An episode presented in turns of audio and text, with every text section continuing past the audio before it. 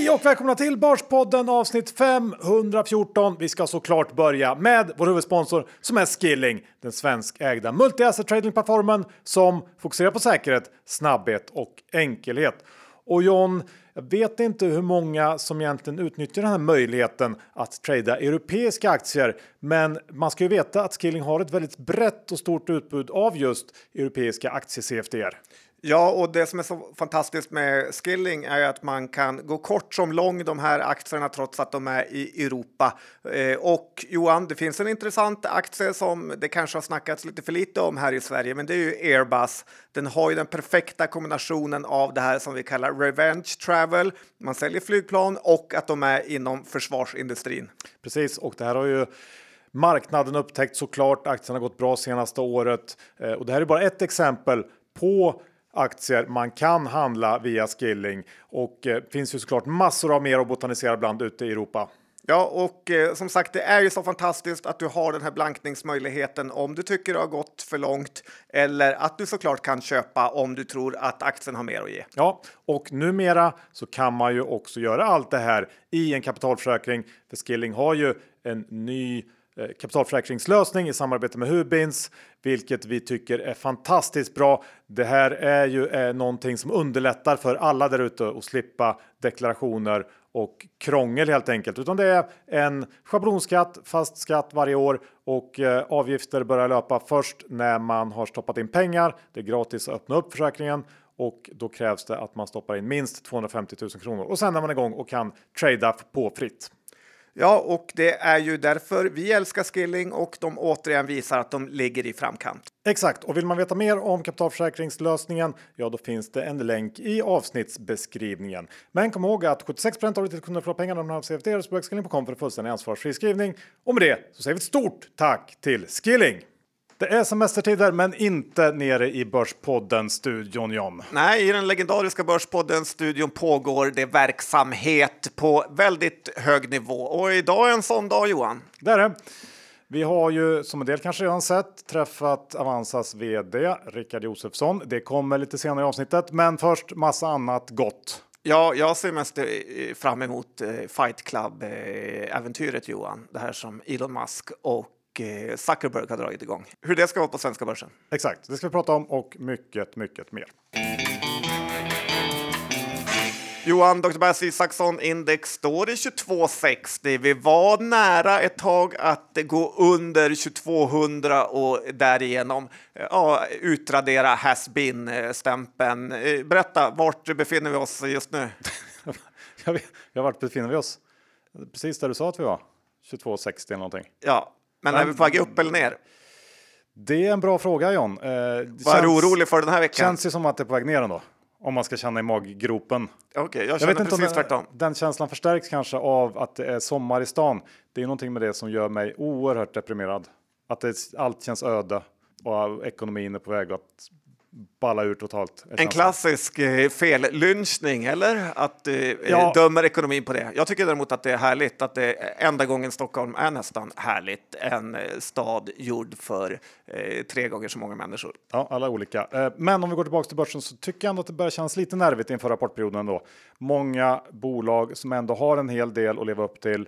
Eh, I och för sig ganska många som har lite mindre att leva upp till också, men frågan är ju kommer orderingången att hålla uppe?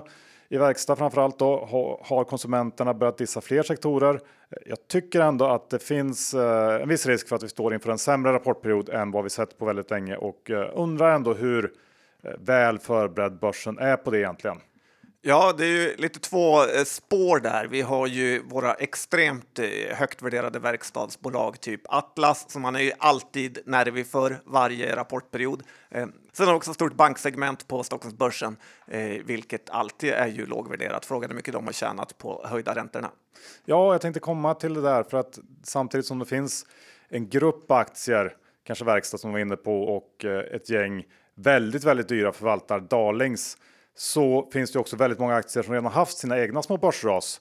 Eh, det är ju inte ovanligt med nedgångar på 30, 40 till och med 50 procent eh, och eh, det är väl det då som hindrar mig från att ha en helt nattsvart börssyn just nu. Ja, jag håller, jag, tycker jag ändå att det finns värde där ute också nu. Ja, men jag håller verkligen med om det. Det är ju mycket mång det är många bolag som har tappat väldigt mycket som tidigare ansetts eh, stabila. Ja, men precis. Så att det blir eh, som vanligt en oerhört spännande rapportperiod. Men innan vi går in på sånt så har vi haft midsommar här i Sverige. Det har vi haft Johan. Eh, vart firade du? Jag Ja. vet inte ens om det. Hur bra kompisar är vi egentligen? Jag var eh, nere på västkusten. Du var på västkusten. Ja. Men en sak som förstör väldigt mycket av ens midsommarglädje är ju att alla svenska personer hela tiden måste citera Solsidan. Det är så enormt hemskt att man vill åka hem direkt när man hör det. Känner du igen det? Eh, jag förstår vad du menar, även om det inte tycker inte att det är så frekvent. Eh, Du är en sån kille som citerar Freddy Solsidan. Aldrig någonsin gjort det. Nej, det är därför vi kan vara kompisar. Eh, men en annan sak som slog mig var att jag var på samma ställe eh, på Värmdö, Älvsala och hoppade runt eh, kring samma midsommarstång som Conny Jonsson, EQT-höjdaren. Och det var nästan så att jag blev lite ledsen när jag insåg att en av Sveriges rikaste personer gjorde precis samma sak som jag. Hänga lite med familjen, dricka lite, grilla lite. Ja, det är kul, men man skulle ändå vilja att det fanns något roligare som hägrade. Men han blev ganska förvånad. En liten, liten traderhand gled ner i hans hand under små grodorna. Mm, lite rädd kanske. Mycket rädd. Ja, nej, men eh, pengar är inte allt John. Så är det. Ja. Du, Skönt att veta ändå. Ja. Du har börjat också känna lite vårkänslor i en sektor. Jag tänker på fastigheter. Vad är det du har eh, sett där som ingen annan Ja, ser? ja, men jag tyckte att det var ganska kul här att i dagarna, Eh, eller om det var igår här faktiskt, så kanske det kom en liten avgörande nyhet. Och det var ju att SEB sänker lånen på långa löptider.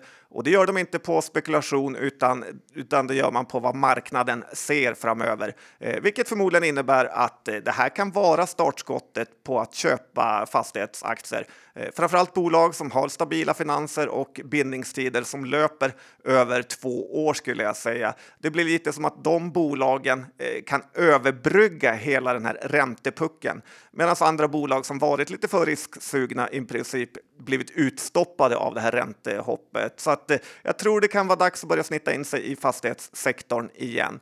Även byggsektorn vill jag eh, sticka in här som en liten eh, krydda. Att Det kan nog vara ändå rätt bra läge att börja titta på Skanska, Peab, NCC, för de har ju tappat väldigt, väldigt mycket. Ja, man ska ju gå in när det ser som mörkast ut på något sätt och nu ser det ju mörkt ut ändå. Ja, men jag tycker ändå att det ljusnar lite i och med att långräntorna eh, börjar sjunka. Ja, På riktigt, inte bara på spekulation. Du, gillar du att campa? Eh, inte så mycket faktiskt. Nej, Eh, du kan ju verkligen inte gilla det. Nej, jag hatar att campa. Nej, man vill ju verkligen se dig gå och tvätta så här i Trianga-köket med andra papper. Det är inte Marbella-känslan eh, på det. Men det var ett inslag i eh, SVT här, men att Sverige var Europas billigaste ställe att kampa på och SVT var väldigt eh, stolta över det. Eh, tyvärr mådde jag ju dåligt, för det innebär ju faktiskt att det finns inget annat ställe som det är billigare att åka till än Sverige. Alla andra ställen är dyrare för oss. Vi har blivit Europas Sunny Beach och det är inte riktigt vårt slutmål tänkte jag när jag var liten. Nej, men det är som att vara stolt över att vara sämst. Eller? Ja, lite så. Men SVT tolkar ju såklart att eh, det var väldigt positivt att det var så billigt att campa i Sverige. Och den vackra naturen och sådär. Ja, sjuka var tyskarna som blev intervjuade var typ inte ens imponerade Nej. över Sverige. Nej, det är ju eh, till underbetyg får man ju säga. Eh, Nu tänkte jag ta upp en, en eh, nyhet som varit ganska omdebatterad i veckan på Twitter och så där. Eh, Jag antar att du har sett det här, men den här potentiella UFC-fighten mellan eh, Elon Musk och Mark Zuckerberg. Eh, Det är något Twittergräl mellan dem som slutade med att bägge två accepterar att slåss mot varandra då i oktagonen. Ja, underbar värld vi lever i som känns verkligen urspårad. Ja, det är svårt att veta om det här är liksom allvar eller skämt eller någonting mittemellan. Det kan väl nästan bara vara skämt, eller? Ja, igår, I morse såg jag faktiskt också på Twitter bilder från när Elon Musk har börjat träna. eh, liksom någon slags kampsportsträning. Är inte han rätt fläskig, eller? Ja, men ändå som att han är ganska stark. Bra tyngd bakom sparkarna. Eh, och, Zuckerberg är ju ganska tunn. ja, men Är de han, ens i samma viktklass? han har ju tränat jättemycket, vad det nu är. Jiu-jitsu. Ja, något sånt ja. Brasiliansk. Precis. Eh, och kan massa grepp. ja, det, är- Han känns mer så att dra i håret och sticka i ögonen. Ja, men man undrar ju om det är liksom en, är den här simuleringen vi lever i nu som, alla, som man pratat om. Att, eh, ja, det är väldigt märkligt när två av världens rikaste män eh, håller på att göra upp om UFC-matcher på Twitter. Lite Conny Jonsson-känsla där, att eh, det spelar ingen roll hur mycket pengar man har, det är ändå det lilla livet som är roligast. Ja, eller så är det det där som enda som kan liksom på något sätt få dem att leva upp lite. Men jag tänkte att om vi skulle ta och överföra det här till svensk näringsliv, vilka skulle man vilja se i ringen mot varandra? Det här vill jag höra Johan. Ja, men vi har ju, det, det finns ju väldigt många om man börjar tänka efter. Vi, vi har ju den mest självklara kanske som skulle bara räcka upp handen direkt, det är ju Tommy Jakobsson. Ja, men han är ju duktig. Ja, ingen vill möta honom. Nej. Nej, så att, eh, den är ju bara att skriva av. Eh, sen har vi ju eh, en fight som eh, jag tror många vill se. Det är ju Harald Mix mot Bråse. Ja, den vill man se. Ja, Drömfight. lite drömfight. En liksom. Eh, Bråse har ju skägget med, Ja, för det behöver man ju nästan som UFC-fighter. Eller det adderar ju något. det adderar något. Eh, men Harald Mix har också någon slags hårdhet, lite så här utkarvad i sten. Mm, känner ändå att Bråse flyger fram med ett hoppknä. Bråse borde ta det. Eh, sen har jag också tänkt Ilja mot eh, Fraser Paring. Ja, den är bra. Den är ju bra. Där känner man ju också att det är ganska eh, skulle- ovisst. Det skulle vara på riktigt också. Ja, känner ändå att Ilja drivs mer av hat och det är liksom starkare drivkraft än eh, Frasers eh, pengadriv. Ja, jag håller med. Och Fraser känns ju mer vet, britt som sitter på puben mycket också. Ja, och som gammal eh, FN-veteran från Kosovo vet jag ju om att eh, Ilja har nog en del extra kort i bakfickan. Det har han nog. Det har han nog. Eh, en annan fight som jag tänkt på det är ju eh, serieförvärvar-fighten Kaplan mot Ryk. Ja, ah, den, dyra biljetter till den. Den eh, Ryk skulle kunna vara fullständigt galen. Ja, helt galen. Vild. Han skulle nog krossa Kaplan där. Kaplan har som inte förstått att eh, det är en riktig fight. Var det som när Filip och Fredriks papper slogs? Att eh, Filip Hammars pappa hade inte förstått att det var en fight, så han blev helt mosad. Ja, lite så. Jag, det känns också som att Kaplan skulle kunna gå in i fighten med tron att han ja, skulle nog kunna vinna det här. Ja, inte tränat så mycket, men ändå tänker att han kan vinna. Ja, ja. Och sen när Conny vinner så står han uppe i ena ringhörnan och bara skriker. Ja. Det haglar saker från publiken. Alla i publiken hatar ju Conny Ryk. Ja, Men han är otro svintatuerad med. Jag, säger inte emot dig, det gör jag inte. Sen har jag en sista fight. Ehm, och det är ju då, jag känner ju att Björn Borgs Henrik Bunge också har den här galenheten i sig. Ja, men han bettar. Det är nästan så att han kan gå upp eh, mot Tommy Jakobsson. Kanske. Men jag tänker lite mer nu. Eh, dels en sektorfight. Han är arg på eh, Torsten för att Kraft ändå lyckats med det som Björn Borg inte lyckats med. Så där vill han. Han vill möta Torsten. Ja, Torsten kanske mer tävlar i Japan skulle jag säga utan att gå in för mycket på det. Men så här visst, där Bunge vinner ju. Om inte Torsten får in en snabb, Ja, han är ju stryktålig Torsten. för då kan det vara över. Då kan det vara över. Och jag tänkt om inte Torsten vill då, för det kanske han inte vill. Nej, Så tänker jag att då kan ju Stene ta hans plats. uff. Sted är ju tunn. Han kommer få jättemycket stryk. Ja, men släpad i ringen av en vild bunge. Ja, men jag tänker bägge två är ju såna här eh, du vet, uthållighets... Att det kan bli en jätte, jättelång match. Jo, men Ingen bunge, ger sig. Bunge har ju helt annan aggressivitet i sig. Ja, okej, ja. Jag tänker också några andra bara så spontant. Eh, Kanske eh, Hagströmer mot eh, Kviberg. Den, En måste dö. Ingen får gå ut ur ringen innan det. det är ju liksom kvällens höjdpunkt nästan. Ja, kan vara bra. Sen en annan fight jag skulle vilja se eller betala en hel del för. Det är ju stockpicker mot snåljåpen. Eh, Pappa mot son, men båda älskar sig själva så mycket så att de vet att allt står på spel. Ja, Och sen kanske en sån här äh, lite uppvärmningsfight ändå, inte värd så mycket pengar, men ändå, jag menar, den går tidigt på kvällen. Ja. Det är ju det i Gabbe mot Jesper Norberg. Eh, så här, vem var egentligen EFN, Mr EFN? Eh, så att, eh, ja, den, den går tidigt. det går ju att fylla en, en gala med det här i alla fall. Verkligen, alla pengar till välgörenhet. Dig mot mig. ja, du såg att du fick mycket cred här senast på Instagram, hur bitig du var. Jag orkar inte så länge för sig.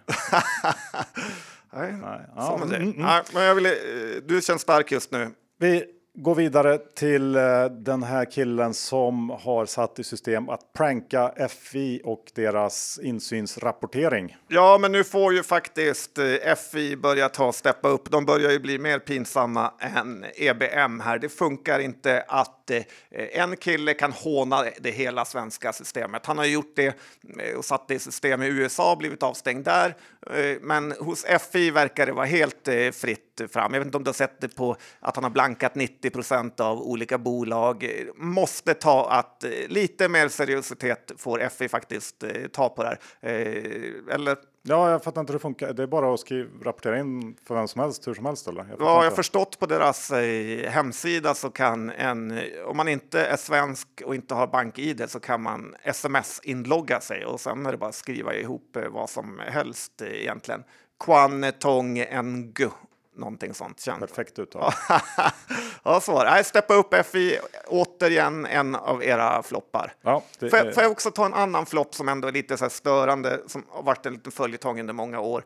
Och det är det här Aerowash, eh, den härvan har du väl följt lite? Ja, att, eh, men, budet som Ja, men det är liksom i... en bluff som pågår inför helt öppen ridå känns det som. Ja, det har väl varit ett bud under jag vet inte hur många år. Ja, och när man ser sånt här så förstår man ju lite varför svenska börsen är en av de mest blankade och att vår krona är ett skämt. Aerowash har det nu varit bud på under flera år och ledningen återkommer gång på gång att det ser bra ut och de är glada att affären eh, går framåt, men skjuter på det några månader. Och det känns ju nästan helt uppenbart att det inte kommer bli något av det här och eh, ja, att nästan allt är bara en bluff. Marknaden tror inte heller på det här eftersom aktien handlas långt, långt under budet. Jag tycker ändå att FI eller EBM skulle kunna ställa lite krav, eller till och med börsen, att de faktiskt vill se lite dokument från Airwash innan ja, det, man får trycka ut alla de här pressmeddelandena. Det är en självklarhet. Man kan inte, det finns väl ingen budprocess som pågår i så här fyra år? Nej. Utan antingen så är det ett bud eller så är det inte ett bud. Exakt. Ja. Enkelt väldigt enkelt, men mm. inte för Airwash och inte för de som bestämmer.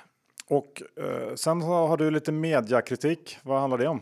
Ja, men du har ju sett det här som hela tiden är i mm, framförallt SVT och eh, av reportrar som jag tycker kan lite för lite om ekonomi. Eh, jag tycker det är väldigt konstigt hur mainstream media hela tiden eh, dissar kommunerna för att de har sålt sina fastigheter till SBB och hur dumt det var när det förmodligen var ett snilledrag att sälja sina fastigheter vid nollränta och en, under en fastighetsboom till en person och ett företag som överbetalar mycket mer än alla andra. Och nu finns ju möjligheten att eh, förmodligen köpa tillbaka fastigheterna till ett lägre pris. För allt snack om hur mycket kommunerna betalar i hyra till SBB per år och vilka hyreshöjningar eh, som kommunerna får är ju bara bullshit faktiskt. För även om kommunen själva hade ägt fastigheten så hade Finansieringskostnaden gått upp, uppvärmningskostnaden hade gått upp och allt annat som har med inflationen att göra hade gått upp. Så de kostnaderna hade ju kommunen eh, fått oavsett om SBB eller om de själva hade ägt eh, fastigheterna. Så jag tycker man istället ska fokusera på nuet och försöka göra lite drömaffärer och köpa tillbaka fastigheterna till bra priser eh, nu när SBB måste paniksälja och på så sätt göra en liten hacka åt eh, kommunernas invånare. Ja, här håller jag med till 100 procent verkligen. Det är bara att kolla på SBB. Har det gått bra eller dåligt för Ilja? Ja, precis. Ja, då har man ju facit där. Ja, så Vi... det är kommunerna är vinnarna, inte förlorarna. Ja, exakt. Det var de som lurade Ilja. Ilja som borde vara arg. Ja, han borde gå ut till SVT. Ja. jag vill häva alla köp. Kommunerna lurar mig. ja. Men eh, ja, nej. Så är det. Du, eh, Dustin rapporterade igår. Det såg du. Ja, mycket händelserik eh, dag. Ja, det var det. Eh, för det här är ett bolag som har det väldigt tufft just nu. Eh, man är på en marknad som, eh, där efterfrågan havererar. Eh, Dustin uppvisar nästan 10% i negativ organisk tillväxt här under kvartalet och det är marginalpress och dessutom då sitter man på den här enorma nettoskulden nu efter förvärvet av Central Point som man gjorde under 2021. Nu tryckte Dustin mycket på det starka kassaflödet här under kvartalet, vilket också var i linje med vad de hade flaggat för eftersom lagernivåerna legat på väldigt höga nivåer sista kvartalen. Men nu så är de då nere på mer normala nivåer och eh, om man är lite negativ så kan man säga att den, det lätta kassaflödet är taget. Eh, för underliggande så går det dåligt och ännu värre är ju att nettoskulden som nu är uppe i 4,5 gånger justerad ebitda. Den ökar på grund av då valutaeffekter. Dustin har ju nämligen den absoluta merparten av sin skuldsättning i euro och danska kronor och eh, ja, danska kronan är peggad till euron. Och samtidigt så ligger nästan 40 av omsättningen i Sverige och Norge och det här är ju ingen bra kombination. Eh, och även om då eh, den här kreditfaciliteten har förlängts, förlängts så ligger man på en ohållbar nivå här. Och, eh, I samband med den här förlängningen av krediten så förband sig också Dustin till att inte dela ut några pengar så länge skulden ligger över 3,5 gånger ebitda och eh, det innebär ju då att aktieägarna inte kan förvänta sig någon utdelning på ett ganska bra tag tror jag. Eh, och aktien den har gått väldigt dåligt på slutet. Eh, den var ner lite grann igår på rapporten fram tills då att Axel Jonsson som är huvudägare eh, under eftermiddagen köpte på sig 2 miljoner aktier till och i samband med det så passerar de ju budpliktsgränsen. La ett, eller sa väl att de skulle lägga ett budpliktsbud på 28,50 och ja, då vände aktien upp. Och Eh, vad ska man tro om det här då? För en stor och eh, liksom långsiktig ägare som Axel Jonsson så är det väl antagligen en bra affär om de kan plocka upp bolaget på de här nivåerna. Eh, även om det kanske krävs lite friska pengar för att fixa till balansräkningen. Sen så tror inte jag att särskilt många eh, av övriga eh, lite större ägare kommer nappa på det här. Ehm, och utan Axel Jonsson så hade nog aktien fortsatt ner eh, och marknaden hade nog pressat fram en nyemission till slut tror jag. Eh, nu finns det någon typ av golv. Eh, chansen finns ju också att Axel Jonsson gör ett mer helhjärtat försök och eh, buda in Dustin och höjer den här budnivån lite grann. Det är, får se vad som händer. Det är svårt ändå att känna sig jätteköpsugen i Dustin nu tycker jag. Ja, ett budpliktsbud indikerar väl att man nog inte kommer lägga något högre Nej, det, bud. Så brukar det vara. Sen så tittar man på ryker Svedbergs eh, gänget där la budpliktsbud så havererar ju aktien efteråt. Köper man Dustin nu så får man verkligen tro att allt kommer vända, eh, både kronan och eh, deras eh, försäljning. För annars kommer det ju ta liksom 30 år att återbetala den här nettoskulden. Så nej, Dustin får... Eh, eh, det är lite vägval här. Jag köper inte. Nej, inte jag heller. Uh, du, ska vi gå och prata om uh, en av dina favoriter, Grot på SCT? Mange, ja, Mange G. lite intresserad av den aktien, följer den med eh, vänsterhanden kan man väl säga. Mange flög en kort period här, SVT hade eh, några bra månader innan de har börjat underleverera igen. Och nu är man nere på 280 kronors nivåer igen. Eh, jag såg faktiskt att Handelsbanken tog in Essity på sin fokuslista eh, med motivation att energipriserna faller, insatsvarorna faller. Eh, Essitys prishöjningar borde hjälpa dem, även om det är nog hyfsat troligt att de kommer behöva sänka priserna lite grann framöver då konsumenterna och handlarna vill ta del av det här prisfallet. Men ändå, Essity kan vara värt att plocka upp som en storbolagsaktie nu faktiskt. Ja, eh, absolut. Får jag ge ett annat eh, storbolagstips när vi ja. ändå pratar om dem? Eh, för att jag tycker det börjar bli lite, lite intressant här med Telia faktiskt. Det här är ett bolag som vi hatat i evigheter och ja, men verkligen med rätta. Jag börjar undra om det ändå inte är köpvärt nu. Eh, bara för att den är så extremt eh, billig. Aktien är på 20 års lägsta, utdelningen snart 9 eh, procent. Och eh, Telia har ju sålt sin Danmarksdel här, vilket kommer göra att nettoskulden sjunker. Eh, samtidigt som bolaget själva pratade om att eh, man ska förbättra kassaflödet här under andra halvåret. Eh, eh, fånga fallande knivar är ju nästan alltid en dålig idé, men och, och, kanske ännu sämre idé i dåliga bolag som Telia. Eh, men jag tycker ändå att det känns eh, köpvärt, eller i alla fall värt en chansning här på eh, 23 kronor. Eh, så att jag har köpt eh, lite grann. Eh, visst att de har eh, möjligt att de har halkat på lite extra av eh, Eh, härvan, att de har köpt den och äger den i, i och med eh, Viaplay-grejen. Ja, och det är ju sån liten del av Telia så att man behöver inte riktigt bekymra sig om den. Men som sagt, 20 års lägsta på aktien och eh, Telia har ju fallit 40 procent i år. Eh, otroligt. Ja, faktiskt makalöst eh, dåligt givet hur stabil den här verksamheten ska vara egentligen. Men det finns väl också kanske en risk att den här utdelningen eh, blir lite lägre. Vad vet jag? Det känns ju inte som att det går jättebra för dem så att eh, frågan om de kan hålla uppe den. Men oavsett så kommer det vara en, en relativt hög direktavkastning och den handlas lågt. Så jag håller med dig. Varför inte testa? Ja, antingen är det konkurs eller så är det köpvärt nu. Jag ja, bettar på att det är... säker på att det är just de två Nej, okay. valen. det finns fler. Ja, det finns. Okay. Gul flagg från Johan. Ja, eh, sen har vi eh, haft en vinstvarning här i veckan. Det har vi haft. Ja, från haft, ett eh, bolag som du både älskar och hatar. Ja, jag börjar hata dem mer och mer faktiskt. Det är ju vårt eh, superbolag Duroc. Eh, lite ändå underligt, jag vet inte vad du säger om deras vinstvarning där det stod att, eh, ja, pressmeddelandet så stod att vinsten kommer bli försiktigt positiv i det här kvartalet. Eh, konstigt skrivet, eller hur? Ja, det var konstigt. Och dessutom är ju det här eh, ett bolag som ingen överhuvudtaget tror på. Ingen pratar om det, ingen följer det. Så att det behövs inte att John Häger skickar ut såna här eh, pressmeddelanden. Eh, jag tänker lite på det vi pratade om, var det Genesis IT, att eh, det är en alldeles för stor ägare i ett bolag som gör att eh, de andra aktieägarna inte riktigt eh, tas, eh, att man tar någon hänsyn till dem. Peter Gyllenhammar äger 80 procent av Duroc och eh, eh, jag börjar faktiskt tröttna ganska rejält eh, på det här eh, bolaget. Dock så känns det lite sent att sälja nu. Eh, för börsen eh, gillar ju verkligen inte heller Duroc, så att jag behåller väl mina aktier eh, faktiskt här. Eh, det blir ju ingen, det är ingen go-getter-aura alls över det här bolaget och eh, John Häger är ju som alla vet nyligen invald i Nilars styrelse så att eh, han kanske kan starta jordfrässkolan eller något. Ja, det kanske han kan. Du, eh, jag tänkte på Drock att de har ju också den här. Det är inte första gången de kommer med en vinstvarning eller omvänd vinstvarning. De har ju en tendens att i princip varje kvartal gå ut med den typen av varningar. Ja, Vilket är lite, då har man missuppfattat lite tycker jag. Ja, var det Diadrom vi hånade också lite för att de Ja. konstant eh, mikro mikrobolag som Jag tror Diadrom gjorde väl så här åtta vinstvarningar eller omvända vinstvarningar i rad och då har man inte heller riktigt. Då är det någonting som är fel tycker jag. Ja, verkligen fel. Och Drock är inne på den banan också. Ja, eh, obegripligt. Där är det. Det är därför de inte blev något heller. För att de gör såna här konstiga saker. Inte Diadrom heller. Nej, eh, du. eh, Jag tänkte gå över till eh, min riskkapitalbolag granskning. En liten följetong.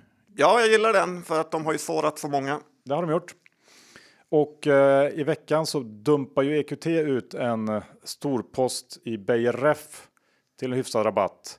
Och eh, ja, men det såg du, såg du kanske? Verkligen. Lite, BRF är lite intressant nu med eh, global warming, ultravärme och eh, luftkonditionering. Men det är inte billigt. Nej, och man blir ju ändå lite misstänksam när de gör såna här grejer. För det var inte så många år sedan EQT gick in som största ägare i BRF. Eh, och det handlar inte om att den här fonden som äger aktierna ska stängas eller något sånt. Så frågan man ställer sig är ju vad kan det vara? Har de hittat någonting svajigt i bolaget kanske? Eller kan det vara så att det börjar strömma in eh, negativa signaler från alla bolag som EQT sitter i? De har ju ändå en hel del känselspröt där ute i ekonomin och kan väl nästan i realtid följa vad som händer med konjunkturen. Så att eh, tycker ändå att det är lite, lite, eh, lite oroväckande. Och, eh, Och man vet ju att de är ju inte det minsta rädda för att utnyttja den typen av informationsövertag heller. Nej, absolut inte. Eh, det, det tvekar man inte på en sekund. Eh, sen är ju BRF som du sa en väldigt dyr aktie, eh, rejäl nettoskuld. Det här bolaget skulle inte må bra av en plötslig avmattning och aktien har ju fortsatt ner lite grann efter den här placingen tror jag. Och är man tuff nu då köper man kanske inför rapporten och tror på att den här oron är överdriven. Men jag avstår helt enkelt. Jag tycker att det inte riktigt osar korrekt. Nej, jag skulle kanske frågat Conny vid midsommarstången vad han hade för gameplan för det här. Och med det sagt John så ska vi nu gå över till vårt snack med Avanzas vd Rickard Josefsson. Vi var hårda mot honom förra veckan. Ja, vi lyssnade igenom igen vad vi hade sagt och vi var eh, ganska hårda faktiskt. Nästan i överkant. Men eh, Ändå rättvisa. ja, Semi-rättvisa. ja semrättvisa. Eh, men med det sagt så var det väl inte mer än rätt att Rickard fick komma hit och eh, ge oss lite svar på tal. Ja, men det var modigt att kliva in själv i eh, studion här, inte ha med sig ett entourage av IR-personer, utan han eh, mötte oss som en man. John, vi har denna vecka den stora äran att vara sponsrade av Fidelity. Och Asien är ju som många vet ett av Fidelitys fokusområden. De har 50 års historik av att göra affärer i Asien och det här är en stor marknad. Det är många länder och många investeringstillfällen. Ja, för det är faktiskt så att eh, 60 procent av jordens befolkning bor i Asien. Ja, det är mer än bara Kina och Indien och Fidelity har ett stort fondutbud och då lokal kännedom, vilket vi uppskattar väldigt mycket. Och hela Fidelity Internationals utbud hittar ni på deras hemsida fidelity.se eller hos de stora handelsplattformarna eller försäkringsbolagen. Vi ska också påminna om att investeringars värde och eventuella intäkter från dem kan både minska och öka. Det kan hända att du inte får tillbaka det investerade kapitalet och historisk avkastning är inte en tillförlitlig indikator för framtida resultat. Våra sponsorer tar inget ansvar för det som sägs i podden och åsikter uttryckta kan redan agerats på och inte längre gälla. Det är också viktigt att läsa prospekt samt KID-dokument och investeringar på tillväxtmarknader kan vara mer volatila än på andra mer utvecklade marknader. Stort tack till Fidelity International!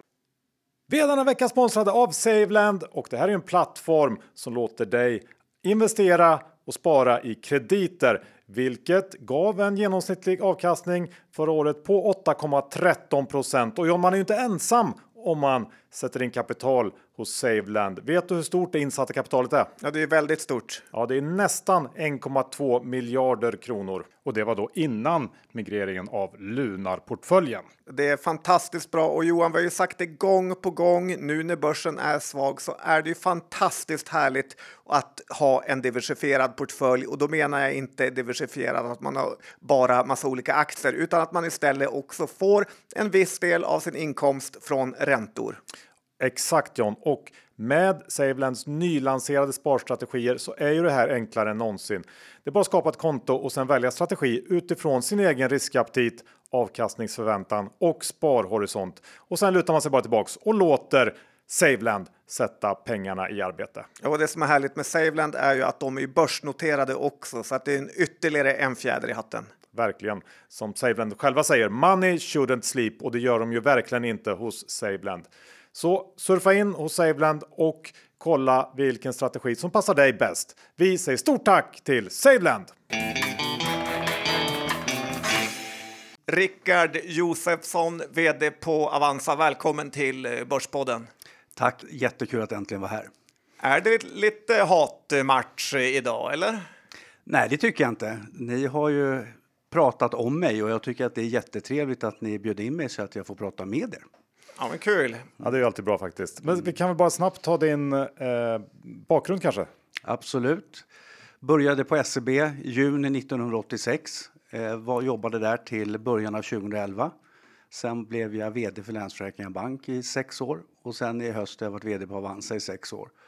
Och på SEB är egentligen min bakgrund från början eh, kreditsidan, risksidan och sen blev jag kontorschef. Första svensk som bodde i Lettland 99-2000 vd för finansbolaget, ställföreträdande Sverigechef. Och sen så lockades jag över till Länsförsäkringar och sen hamnade jag på Avanza efter sex år. En eh, så kallad långvägare. Hur gammal är du? Jag är 57, fyller 58 i höst. Och eh, då är du inne på också ditt eh, sista år på Avanza kan man säga. Du har ju sagt upp dig. Mm kommer sluta, är det senast sista juli 2024? Ja, senast sista juni 2024 så kommer jag sluta eh, och eh, sen så kommer jag ju troligtvis övergå i en rådgivande roll när en ny vd på plats då, och den vd-rekryteringen håller ju styrelsen på med. Blir man inte lite lame duck eh, om man har sagt upp sig och fortsätter i ett år? Eh, berätta. Mm. Jag tror inte jag kommer hålla på i ett år. Jag tror hon kommer ha ny vd på plats tidigare, men nu innan sommaren, sen det blev offentligt i början av april, så har jag inte känt att det är en lame duck. Eh, och vi har en stark ledningsteam på Avanza, så att eh, jag upplever inte det ännu, men vi får väl se i höst. All right. Eh, vi pratade ju om dig väldigt mycket i förra poddavsnittet eh, sa kanske lite över gränsen, vi lyssnar på det igen, det var några små elaka saker där, men att vi har, eller att du har gubbifierat Avanza, mm. Länsförsäkringfierat eh, mm. eh, Avanza. Eh, blev du sur på oss? Nej, alla har ju rätt till sin åsikt, eh, men sen håller jag inte med er. Så att eh, ni, nu fick jag ju komma hit och prata med er, så det känns ju jättebra. Ja, för det där kanske är en, en det är ju någon slags bild man skapar sig utifrån de nyheter och de händelser man som betraktare ser mm. utifrån att eh, en del unga talangfulla medarbetare har lämnat. Mm. Eh, framförallt det kanske. Eh, men, men berätta din bild av, av vad är det vi inte ser? Att vi har ett fantastiskt eh, medarbetarengagemang eh, som är högre än någonsin. Våra ledarskapsindex är högre än någonsin. Så att, eh, sen är det ju naturligtvis, det ska jag inte sticka under stol med, det är ju tråkigt när, när bra medarbetare lämnar och nu var det några som gick samtidigt. Så det är ju jättetråkigt att bli av med, med bra kollegor, men vi är ändå 670 anställda ungefär och eh, det är åtta stycken som har lämnat oss. Och det är, vi pratar mer om möjligheten också för att dels så kan folk internt kliva fram. Vi kommer säkert göra en del externrekryteringar och få in nya ögon, ny talang. Så att det här är sånt som händer och det har hänt förr. Men, men håller du med om den här bilden av att Avanza eh, alltid har varit någon slags talangfabrik, att många unga har sökt sig till Avanza och det har varit en del av eh, framgångsstoryn eh, så att säga? Absolut, och vi har ju fortfarande, vi tar in på vår kundservice väldigt mycket unga nya akademiker och många av dem som nu valde att sluta började ju sin bana för 10-12 år sedan på Avanza just där. Och det är ju så här att och jag skulle ju vara mer orolig om inga konkurrenter vill anställa mina medarbetare. Utan har man framgång, har man attraktiva medarbetare så är ju de så att säga lovligt byte för konkurrenterna. Betalar ni för låga löner på Avanza? Det tycker jag inte. Eh, de jag har pratat med eh, som nu lämnar oss säger att det inte är primärt för ekonomi utan det är för att få jobba ihop med sitt kompisgäng på ett nytt projekt. Eh, det är vad man säger till mig.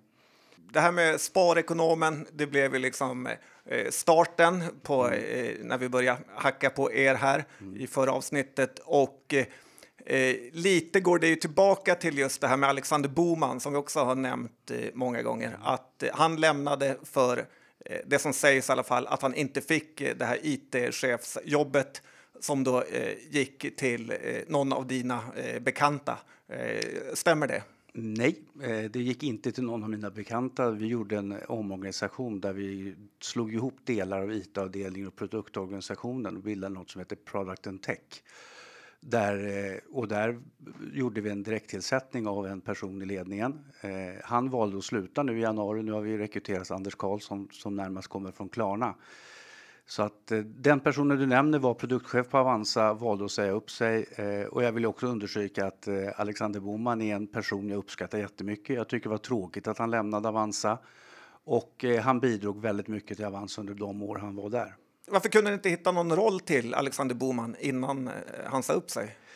Ja, men det är alltid svårt att skapa jobb, utan vi hade liksom eh, fulltagligt i ledningen och på, på de nivåerna där, där man sitter i ledningsgruppen på Avanza och eh, Alexander var ju precis direkt under och var produktchef med ett väldigt stort ansvar på hela vår produktutveckling och utvecklingssida och gjorde ett bra jobb under många år. Så att eh, du får fråga honom i så fall, men jag upplevde att han lämnade för att göra någonting annat. Men om, om, man, om, man, eh, om vi lyfter liksom eh, vyn lite grann och, tittar på Avanza i ett större perspektiv. Finns det?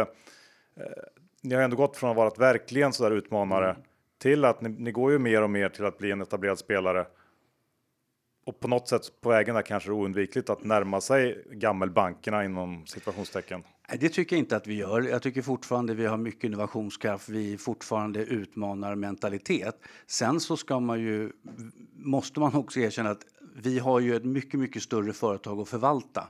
Vi är ju tre gånger så stora som när jag började på Avanza. Jag tror vi var 370 medarbetare, nu är vi 650-670.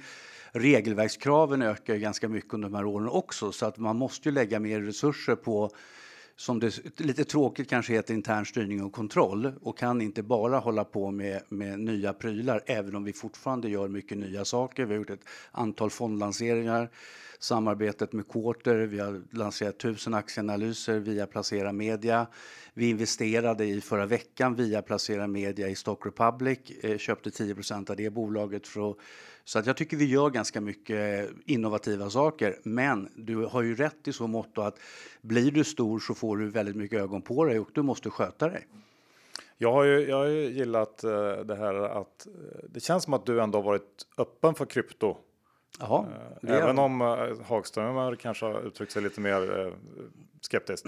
Ja, men jag tycker inte att det är vår, det är inte Avanzas roll att ha en uppfattning om krypto, för vi har ingen uppfattning om aktier eller fonder eller ETF eller vad det må vara, utan nu kommer ju reglering rulla in inom kryptoområdet och vi vet att det finns, vad jag har hört i alla fall, ungefär en halv miljon svenskar på ett eller annat sätt investerade i krypto och många inte i Sverige.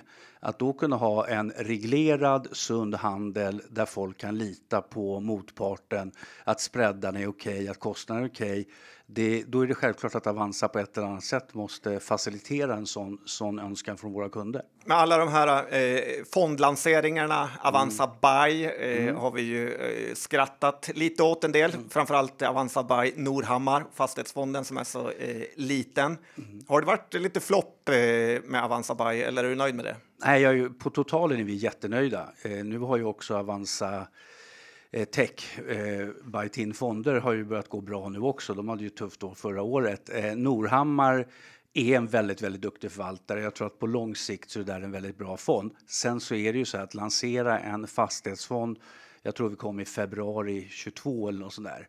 Det har ju varit en extremt eh, dålig timing på den lanseringen. Det kan man ju bara konstatera att så är ju fallet. Och nu har ni eh, dragit igång någon medtech-fond, eller hur? Healthcare-fond ja. med eh, de här duktiga förvaltarna Samuelsson och Hult från Handelsbanken. Och den har fått jättemycket uppmärksamhet och eh, attraherar väldigt mycket pengar nästan dagligen, höll jag på att säga. Men är det inte risk eh, att ni fokuserar på personen? Att det blir för mycket. Vad händer om någon av de här äh, förvaltarna hoppar av, typ äh, Skoglund eller någon annan? Ja, men då anställer jag ju er så får ni sköta det där åt oss. Nej, men det, det, är naturligtvis en risk. Men vi kan ju byta förvaltare och då får man ju byta namn på fonden. Men det är absolut en av de risker vi har identifierat. Men vi tycker också att lyfta fram förvaltarna är, är ett bra sätt så att kunderna också får en, en uppfattning om förvaltaren. För att ni kan ju det här, men väldigt många människor tänker ju inte på att har man en aktivt förvaltad fond så investerar man ju faktiskt sina pengar i en förvaltares strategi, en förvaltares uppfattning av marknaden. Byter man förvaltare så kan det komma in en annan strategi, det känner ni ju väl till. Så det är lite därför vi också vill personifiera lite, vem är det som sköter dina pengar i fonden? Ja, du, en annan grej som det varit mycket snack om senaste tiden när det gäller Avanza är ju Eh, problemen med eh, driftsäkerheten och tekniken och att ni har legat nere ett par gånger här på slutet. Mm. Eh, kommentar på det? Ja, men det är ju jätteolyckligt naturligtvis. Det, det, förstår ju alla att jag tycker. Och just när det händer så blir man ju så här otroligt fokuserad på att hjälpa till att lösa problemen. Men efteråt så blir man ju både ledsen, arg och besviken för, för kundernas räkning. Och naturligtvis blir man ju besviken på, på mig själv, för det är jag som leder verksamheten och är ansvarig. Men just de här två händelserna var... Den ena är ju lite sådär kanske konstig kommentar, men vi, det var ju på måndagen där så var det var lastbalanserare som gick sönder och det är egentligen lite förenklat hur när du loggar in på Avanza så styrs du till olika, olika delar av, av servrarna så att säga för att få en jämn, jämn fördelning på, på det hela. Och där har vi extremt moderna lastbalanserare eh, och eh, det var tillverkningsfel i dem eller fel i, i själva mjukvaran och där kanske vi skulle ha valt en, en eh, mer mer traditionell lösning. Så där har vi legat lite för mycket i framkant. Det problemet är åtgärdat nu så det ska inte hända igen. Och på fredagen var det, då gjorde vi en, ja vi skulle flytta mellan, jag är ju inte IT-tekniker men som jag förstått det skulle vi flytta saker mellan olika servrar och då gick någonting fel. Eh, och det vet vi också varför det gick fel. Sen vill jag understryka att jobbar man i en, en sån här komplex miljö så är jag vill naturligtvis att vi aldrig ska ha nertid, men när vi får nertid så får det inte ta två timmar att komma upp igen som gjorde den här gången, eller 1.30 eller vad det nu var, utan jag tror att om man under ett år ligger nere i tio minuter men snabbt kommer tillbaka så kan det finnas en viss förståelse för det. Så det är någonting vi jobbar jättemycket med nu, att förstå jag tror man måste förbereda sig ganska mycket på att inte säga att vi ska aldrig ligga nere. Det är naturligtvis utgångspunkten. Men när vi ligger nere, hur kommer vi tillbaka snabbt? Och hur ser vi till att viktiga funktioner som handeln inte ligger nere? Så det jobbar vi jättemycket med. Men varför flyttar ni inte servrarna på helgen? Det... Eller på fredag kväll eller något? Att ni Eh, Eh, riskerar ändå eh, sådana här haverier. Ja, det, var, det är naturligtvis en sån sak som vi kommer titta på om vi ska göra sånt här på nätter helger. Men just det här var en standardgrej som ingen trodde det var någon risk i och jag kan inte svara mer än så. Men din, pong, eh, din och sen kan det ha varit att man såg att någon server började bli liksom överbelastad och därför ville switcha till någon annan och då kanske man inte hade sett det på en helg eller på en kväll. Eh, så att eh, det, det där är vi gör ju väldigt mycket Nej, på men jag tänker att helger. ni borde göra allt nu när ni har haft så många haverier. Annars blir det lite som ens egna barn, att de säger förlåt, eh, men de menar Ja, det inte. De vill nej. bara komma undan. Ja, men själv, självklart så har vi ju ett steady state just nu där vi gör otroligt lite förändringar i vår infrastruktur för att inte ta några sådana risker för att vara jag menar, dubbel, trippel och, och hela tiden vara trygga i det vi gör. Borde du inte kicka någon för att visa att det är dags att eh, steppa upp? Nej, det tycker jag inte, för jag tror att ingen har mått så dåligt som de som jobbar med vår drift. Och det är fantastiska människor som är väldigt välutbildade, de kan vår infrastruktur, så att eh, ingen kommer få sparken. Jag hade nog kickat någon faktiskt för att eh, sätta ner foten. Ja. Och lite också bra att skylla ifrån sig om du vill ha karriärråd eh, så här sent. Att, Ja, eh, om jag- du kickar någon så sätter det är den här fel. Ja, men det är, ju, det är ju så att det är ju mitt fel att det ändå är dig. Va? Så att Jo, men det är lite så här och, och fotbollslagledare. Man låtsas om det, men du tycker egentligen inte det. Jo, jag tycker faktiskt att Ja, men som- varför skulle det vara ditt fel? Att du har anställt dåliga personer? Ja, Jag är ansvarig för allt som händer på Avanza. Jo, men du tycker inte det på riktigt känner jag. Eh, men jag tycker att jag är ansvarig på Avanza. Jag blir nästan personligt eh, ledsen när en sån här sak inträffar. För det är mitt ansvar som vd för ett företag. Allt som händer och sker på Avanza på slutet av dagen är mitt ansvar. Sen så är inte varje område på Avanza min specialitet just när det kommer till IT-drift. Men jag är väldigt trygg i de människor vi har. Människor kan göra fel. Och jag brukar ofta säga det att gör man fel och lär sig någonting så kommer man ju starkare ur det. Jo, men lärde ni något när det gick ner liksom en vecka efter det gick ner första gången? Ja, det var ju bara fem dagar i och för sig. Men, men, men eh, eh, ja, absolut. Det gjorde vi. Eh, vi. Vi lär oss ju alltid när sådana fel är ju... Paradoxalt nog så lär man sig mycket av sina misstag. Och vilka fel har vi gjort? Vilka felbedömningar har vi gjort? Och hur har vi liksom designat saker? Hur kan vi göra det bättre? Det där är ju en process som hela tiden pågår i ett företag. Och den tar ju aldrig slut heller. Men när sådana här grejer dyker upp, då brukar det också ofta komma kommentarer kring det här med att nej, men det har varit för mycket fokus på gamification och eh, funktioner som, som eh, kanske inte tillför så mycket och för lite på driftsäkerhet. Finns det någon, ligger någonting i det? Eller? Eh? Nej, jag tror att jag pratade med min, min CIO eh, och han konstaterade det och även styrelsen frågade har driftsavdelningen eh, alltid fått de resurser de har frågat efter och svaret på den frågan var ja. Vi har aldrig nekat resurser till vår driftavdelning.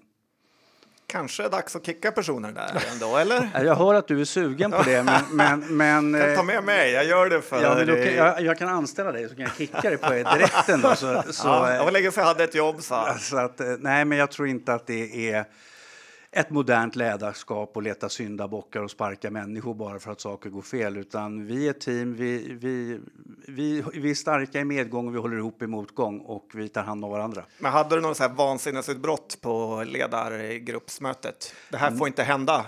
Nej, jag är inte riktigt så som blir förbannad och skriker och kastar stolar. Eh, utan jag tror snarare när såna här saker händer, och det ska man veta, då blir, blir jag oftast ganska lugn. Och då menar jag inte lugn att jag inte tar det på allvar. Apatisk. Nej, och inte apatisk. Jag tror att jag blir mer, okej, hur löser vi det här? Vilka måste jag prata med? Vad har hänt? Hur ska vi kommunicera? Så att man går in i någon sån här execution mode liksom. Och sen när det är löst så kan man ju bli eh, lite mer känslosam. Men jag är en ganska lugn person på jobbet. Så att... Ja, jag tycker att vi lämnar här frågan om att sparka eller inte sparka. John och Rickard har olika syn på den saken. En dag ska jag få jobba på Avanza. Eh, nej, men så här, vi måste också prata ditt månadsspar. Det är en stor Absolut. grej. Du, det kommer tråkigt när du försvinner från eh, börsen här eftersom eh, materialet i podden kommer minska. Men du är ju väldigt stolt över ditt månadsspar. Du har hållit på i evigheter. Eh, Jag fyller 37 år i den här månaden Ja, faktiskt. va, va, varje den 25 så twittrar Ja. om det. Ja. Förstår du inte att det är lite eh, liksom sticker i ögonen eller retar folk? Att en börs-vd, vad tjänar du? 650 000 kronor i månaden, eh, give or take. Du behöver inte månadsspara. Jag behöver inte månadsspara, det är jag fullt medveten om. Men, och sen finns det säkert någon som retar på det. Men ni är ju väldigt insatta i finansmarknaden, ni tycker det här är roligt. För många så är sparande fortfarande ett nödvändigt ont, men man förstår att det är viktigt. Och jag tror att vi kan vara överens om att om man tidigt i livet får in vanan att månadsspara så kommer det tjäna en gott genom livet. Och det är ju samma sak som jag ofta säger, att för mig är att gå till gymmet, månadsspara, det är goda vanor. Och goda vanor gör ju livet bättre. Hur mycket månadssparar du? Jag kan liksom inte släppa den här tanken. Ja, jag månadssparar ju väldigt mycket. Jag, Ändå härligt ärligt. Eh, jo, men det gör jag ju för att jag har Alltså inte... flera hundratusen. Eh, det ligger väl så att säga i alla fall... Eh, no, no, det, det är mer än 100 000 kan jag säga. Men, men det beror ju på att jag har ju eh, förmånen att ha en hög lön.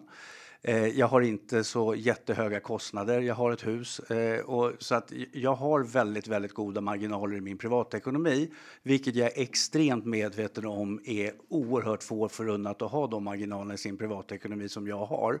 Så har det inte alltid varit i mitt liv. Jag tror att när jag, min första månadssparande, om man kommer tillbaka till det, jag tror det var 200 spänn i månaden i SEB Allemansfond 4 där 1986. Och sen pluggade jag och spelade hockey några år där och jobbade lite grann eh, när jag var på universitetet. Jag tror jag var nere på 100 spänn i månaden ett tag och, och körde på därför att jag hade inte helt enkelt inte råd med mera. Och sen började jag jobba igen, så ökade jag upp det lite grann. Men eh, Har du mer än 100 miljoner på ditt månadsspar? nej. Men, Jag- men vad, Kan du inte berätta vilka fonder du har också? Alltså du förstår, det här är ju en stor grej som väldigt många följer. Du får ju väldigt många likes eh, när du Ja. skriver det här. Jag sitter och småretar mig, så tycker att det är småkul. Eh, Ja. Berätta lite mer om Nej, det. men jag sparar i våra egna fonder. Eh, sen har, Har jag du flyttat ditt månadsspar från Länsförsäkringar till Avanza? Absolut, det gjorde jag direkt när jag slutade på Länsförsäkringar så flyttade jag allt mitt sparande som jag kunde flytta från Länsförsäkringar till Avanza eftersom jag tycker det är jätteviktigt att vara kund i det företag du leder. Och när jag var på Länsförsäkringar hade jag hela min privatekonomi där och när jag var på SEB hade jag hela min privatekonomi där. Sen ska jag villigt erkänna att jag har lite konton hos andra banker, eh, men det är, där har jag inga pengar. Det är mer för att jag vill följa konkurrenter, utveckling hos, hos andra aktörer. Har du konto hos Nordnet? Nej. Hur ska du kunna följa dem då? För det är så att min vice vd har det, så han följer dem åt mig. så att vi har, och jag tror att Nordnet har vi jättebra koll och de har bra koll på oss. Och, eh, så, att, så det där har vi. Är det något du är avundsjuk på hos Nordnet? Som du tänker, Nej, men jag tycker de har en sak som inte vi har, det är ju Sharewill. Sen har vi Placera Media och eh, vårt forum igen så att säga. Så att, eh, men de är mycket bra saker. Jag och Lars-Åke har en god relation. Vi är ju, man tänker ju inte på det, men vi och Nordnet är ju naturligtvis konkurrenter. Men i vissa frågor är vi, samarbetar vi och ibland är vi branschkollegor. Så att vi har ju väldigt mycket kontakter på olika nivåer med Nordnet i olika frågor. Där vi har gemensamma intressen, i, exempelvis i föreningen Svensk värdepappersmarknad. Ni kanske har noterat det att det finns ju en del eh, aktörer i finansmarknaden som vill eh, sänka börsens öppettider. Eh, det, vi är ju på det. Ja, är, är ni för det? Ja. ja. Ja, men vi och Nordnet är inte för det. Så där, där, där tycker vi att det är bra att samarbeta och föra fram att både vi och Avanza och Nordnet vill inte sänka börsens öppettider. Varför vill ni inte det? Det hade ju varit, eh, I USA är öppettiderna mycket, mycket kortare. Ja, nej, men vi tycker att om man tittar på den svenska retail-investeraren, det är faktiskt ganska många som jobbar och inte har tid att hålla på med börsen på dagarna. Och då kanske man slutar halv fem och då kan man ju se över sina besparingar och omallokera dem i alla fall fram till halv sex. Mm, tveksamt hur, argument. hur är det med det här med, ehm, det är någonting vi har pratat mycket om och även pratat med anställda på Avanza om, alltså ehm, problemen med de- förändringar som eh, Nasdaq och börsen inför som vi inte tycker riktigt är spararvänliga. Allt från anon- anonymitet till eh, enpetare och hela problematiken som kommer med det och så vidare och så vidare. Algos som, som eh, gör konstiga saker. Nej, men vi, har ju en, en, vi är ju en väldigt stor kund till Nasdaq och samarbetspartner och man kan ju kalla det på många olika sätt. Eh, och vi har ju absolut inte samma uppfattning i alla frågor som Nasdaq utan vi framför våra synpunkter och vad vi tycker och tänker. Men sen är ju Nasdaq ett, ett börsnoterat bolag som fattar sina egna beslut. Och eh, i mångt och mycket har vi en bra relation med Nasdaq men det finns naturligtvis saker som vi tycker kan bli bättre på olika sätt och det, där har vi en dia- öppen dialog med Nasdaq eh, hela tiden. Ja, för att jag tycker att ni borde ha mer kraft att ge sig på eh, ja, men algofirmerna. När ni har i, i princip, om, du, om det är som du säger att du, ni och Nordnet kan samarbeta, att ni har mer makt att ge er på Nasdaq när de försämrar och försämrar villkoren. Ja, det är någonting som vi säkert kan bli bättre på. Jag ska inte säga att du har fel i det, men jag tycker vi försöker påverka dem. Men eh, jag tar till mig vad du säger. Vad har ni, har ni stoppat något som de har velat införa som ni har känt, här hjälpte jag småspararna? Det har vi nog gjort. Jag bara sitter här och försöker- Jag kommer inte på någon på en gång, men jag har ju möten löpande med Nasdaq och det har absolut hänt att vi, de har föreslagit saker som vi inte har tyckt har varit bra. kanske införa en tuffare sparekonom som är på dem med. Ja, tolka det som en jobbansökan. eh, lyssnar du på förra avsnittet där vi prat, gick igenom eh, olika sparekonomer? Eh, ja, jag lyssnade på förra avsnittet. Var det någon som du eh, kunde tänka dig lite extra, som du pirrade till lite när du hörde? Ah, no, det, det finns ju väldigt... Vi kan ju ta dem vi eh, ja. tog. Det var ju gubbspåret då, var ju ja. Olavi. Ja. Eh, upp, tumme upp eller ner? Nej, jag tror inte han riktigt Jag gillar Jonas, men jag tror inte riktigt att Man blev ändå glad över det. Ja. Eh, internetprofilerna, Aktie Albin eller, och Eka var ett eh, spår där. Ja, det är bra. Det är bra, bra Även personer. fast Aktie Albin jobbat så nära med investeraren. Mm.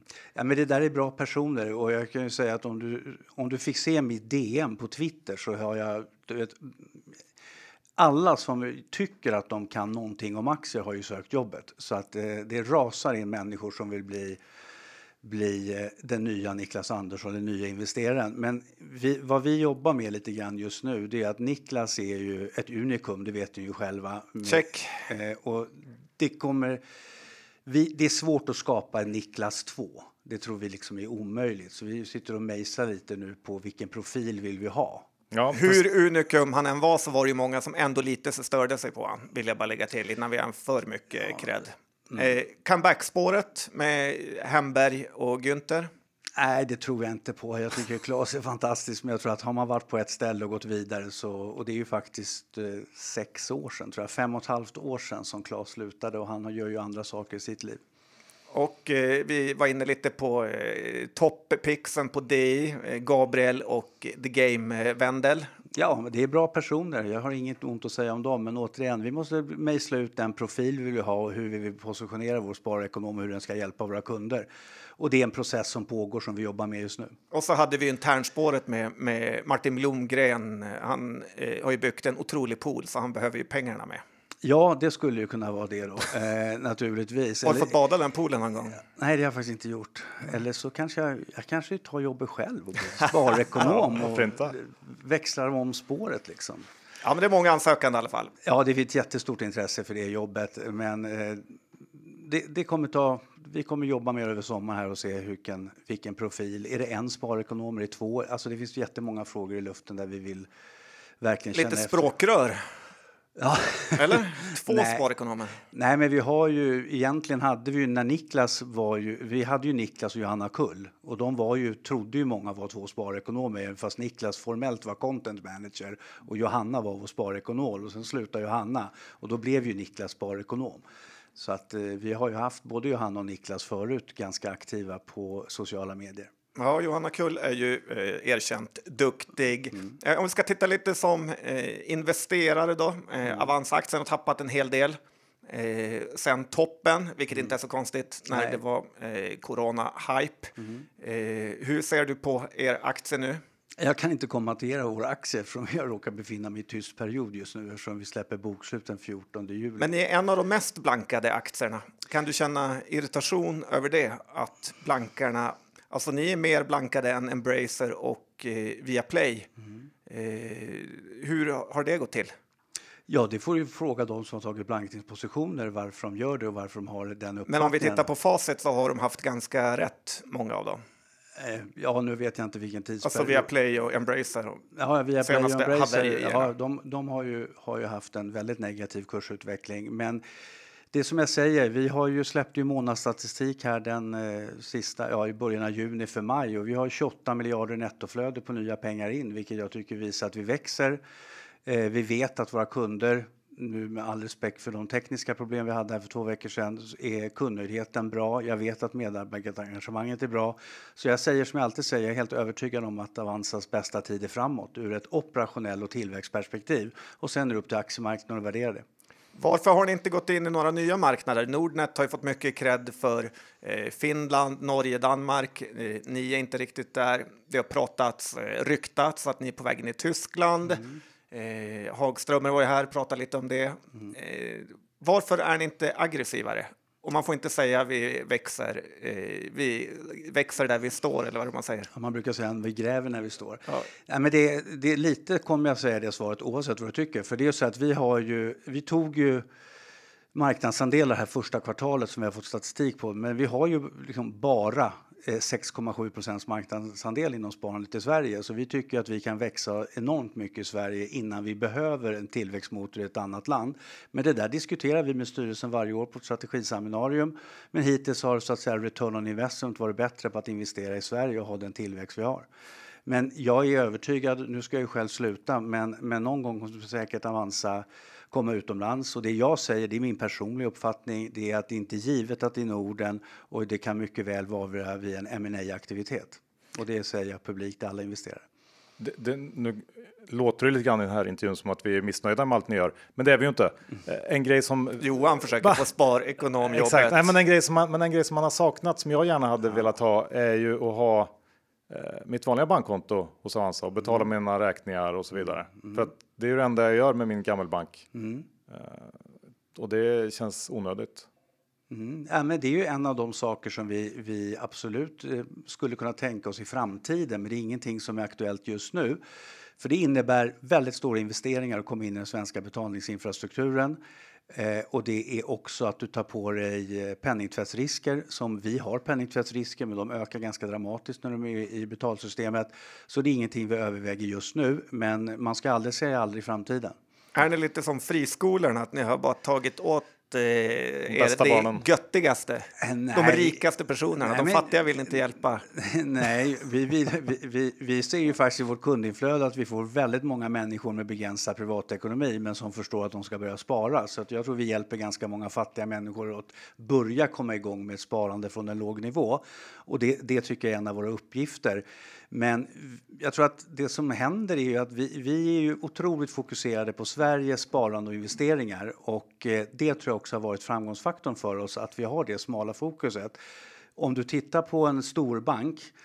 en storbanks som kommer till jobbet på måndag morgon. Eh, så att säga, retail investing och aktiehandel på nätet och fonder och privatsparande, det kanske inte är prio 1, 2, 3 på listan av saker att göra den här veckan. Hos oss i ledningen så är det vår prio varje dag och det gör att vi är väldigt fokuserade på det vi gör.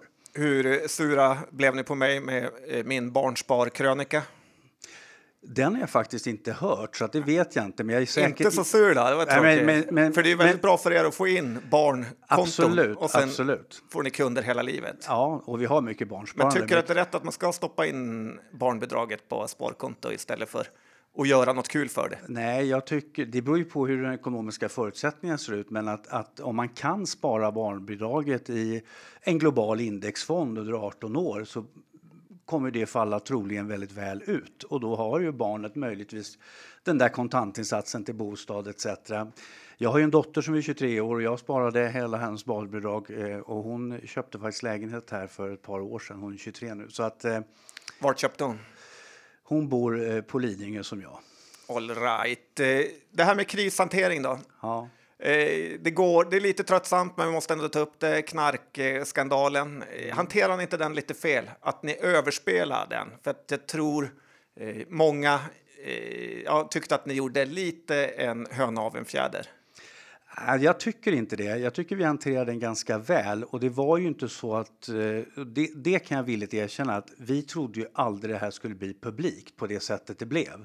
Så vår krishantering, det var inte journalist på Aftonbladet som ringde mig eh, och berättade att hon hade fått reda på det här. Eh, och det var inte så att vi inte hemlighöll det, men vi hade ju ett informationsmöte med, med all vår personal.